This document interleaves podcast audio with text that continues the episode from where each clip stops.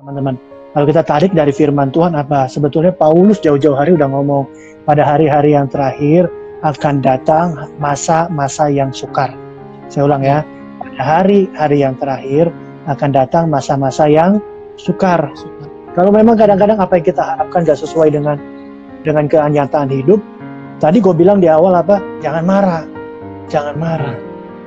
Percaya bahwa Tuhan punya rencana indah atas kehidupan kita, bahwa Amin. Tuhan uh, pasti selalu punya uh, yang terbaik buat kehidupan kita.